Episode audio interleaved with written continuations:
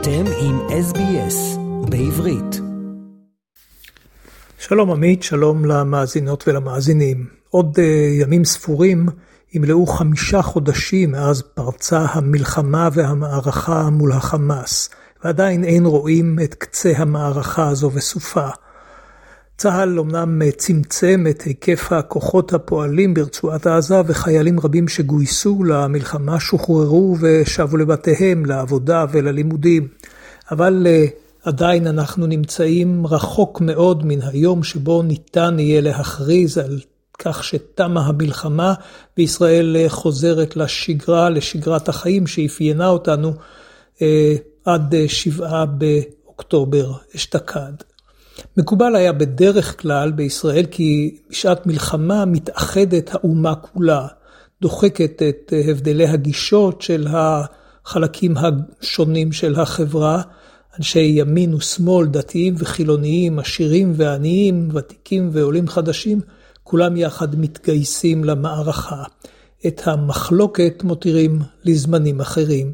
גם במערכה הנוכחית הצטיירה תמונה דומה לזה בכל הקשור להתגייסות, הנחישות של כולם ללבוש מדים ולצאת לקרב, וגם לסייע בתחומים שונים אחרים מרשימה ביותר. חיילים החוזרים הביתה מספרים על אחוות לוחמים מרשימה ועל נשכח האתגר הוא עצום. מאז מלחמת אה, העצמאות לא הייתה בישראל מערכה ארוכה כל כך, לא במבצע סיני, לא במלחמת ששת הימים וגם לא ב... מלחמת יום הכיפורים. אבל ככל שחולפים הימים צפות ועולות המחלוקות בחברה הישראלית. ראוי על כן להצביע על כמה מחלוקות ועימותים בכל הקשור למרכיבים השונים של המלחמה הזו. נתחיל בנושא הכואב עד מאוד המעסיק את ישראל מאז אותו בוקר באוקטובר, הכוונה לדאגה העמוקה לגורלם של מי שנחטפו על ידי אנשי החמאס בהתקפה על קיבוצים ויישובים, על בסיסי צה"ל וגם על פסטיבל המוזיקה נובה שנערך סמוך לגבול. רק שם בפסטיבל, נזכור, נרצחו 364 אזרחים ואזרחיות וגם נחטפו לעזה 44. בסך הכל נחטפו לעזה 253 ישראלים וישראליות, 112 מהם שבו ארצה בחודש נובמבר בהסכם עם החמאס. אבל בחלוף הזמן, בהיעדר התקדמות בשחרור החטופים האחרים, החלה המערכה, מערכה רחבה ביותר של בני משפחות של הישראלים החטופים. בחלק מן האירועים נמתחת ביקורת חריפה מאוד על אוזלת ידה של הממשלה, בעיקר ביקורת המכוונת לראש הממשלה נתניהו. ככל שמתעכב שחרור חטופים גובר הלחץ על נתניהו והביקורת עליו מתעצמת משבוע לשבוע. עד לשלב הנוכחי אמרו ראש הממשלה, שרים וגורמים אחרים כי עושים הכל כדי לשחרר את החטופים. אבל בשבוע האחרון נשמע קול אחר, זה היה קולו של שר האוצר בצלאל סמוטריץ', אשר אמר כי החזרת החטופים איננה הדבר הכי חשוב. לא המאבק אה, לשחרור החטופים הוא העיקר אמר, אלא מאמץ להביא לחיסול החמאס. לדבריו, רק על ידי השמדת החמאס וניצחון במלחמה, נחזיר את כל החטופים. מי שקורא לעסקה בכל מחיר, יביא לתבוסה של ישראל במלחמה וירחיק את הסיכוי להחזיר אותם, את החטופים, הביתה. גם אחד מאנשי מערכת הביטחון שעסקו בעבר בשחרור חטופים מידי החמאס, הזכיר באחרונה את שחרור החייל השבוי גלעד שליט בשנת 2011, אה, אה, אחרי חמש שנים בכלא של החמאס. לשם כך שחררה ישראל יותר מאלף אנשי חמאס שהיו בבתי כלא. לדבריו, שחרורם תרם רבות להתעצמות האדירה של הארגון הזה. יחיא סינואר, מנהיג החמאס, היה המשוחרר הבולט ביותר אז, ותוך שנים אחדות הצליח לחזק את הארגון שהלם עתה בישראל וגרם לו נזק חסר תקדים. משום כך, אה, אמר, לישראל אין כל עניין להוציא מבתי הכלא שוב מאות מנהיגים ופעילים של ארגוני הטרור הפלסטיני. בעניין זה כאמור אין הסכמה בישראל וזה איננו הנושא היחידי.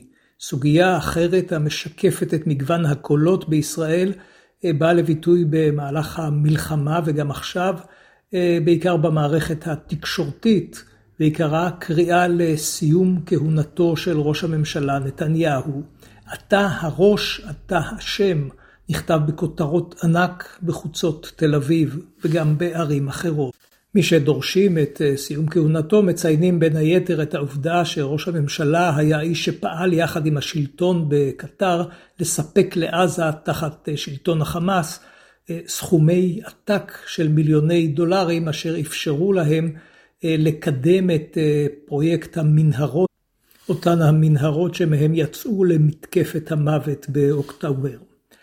מי שקוראים לסיום כהונתו של נתניהו גם מזכירים כי בניגוד לרמטכ"ל, לראש אגף המודיעין בצה"ל ועוד קצינים בכירים אשר קיבלו על עצמם את האחריות להתקפת הפתע של החמאס, לא נשמעה מפיו של נתניהו אה, שום אמירה שממנה משתמע כי הוא מקבל על עצמו גם את האחריות, כולה או חלקה, על הכשל הישראלי.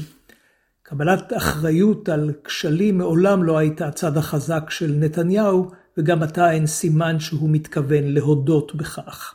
ביקורת על אה, נתניהו, אה, שהיא לאו דווקא פוליטית, נחשפה בימים האחרונים כאשר השר גדי איזנקוט, הרמטכ"ל לשעבר, הציג בדיון פנימי את המציאות הביטחונית בתום חמישה חודשי מלחמה.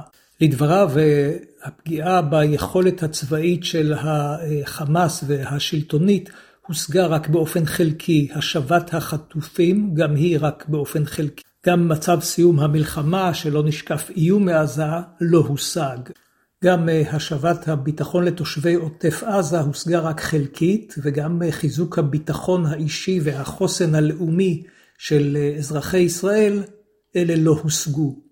לדבריו, בפועל, בשלושת החודשים לא, האחרונים לא התקבלו החלטות קובעות, המלחמה מתנהלת על פי הישגים טקטיים, ללא מהלכים משמעותיים להשגת הישגים אסטרטגיים. איזנקוט גם עקץ את ראש הממשלה המרבה להשתמש בביטוי הניצחון המוחלט שיושג לדבריו תוך כמה חודשים במלחמה בעזה. לדברי איזנקוט יש לדון ברצינות במושג הזה ולברר מה פירושו באופן מעשי. ויש עוד שורה של נושאים על סדר היום המשקפים את המציאות המורכבת בחברה הישראלית. נזכיר אה, שניים מהם. האחד, הלחץ הכבד מאוד של תושבי הגליל העליון, שרבים מהם נאלצו לעזוב את בתיהם ואת עסקיהם בשל ריבוי מקרי הירי והתקפות שונות מלבנון ולעיתים גם משטח סוריה.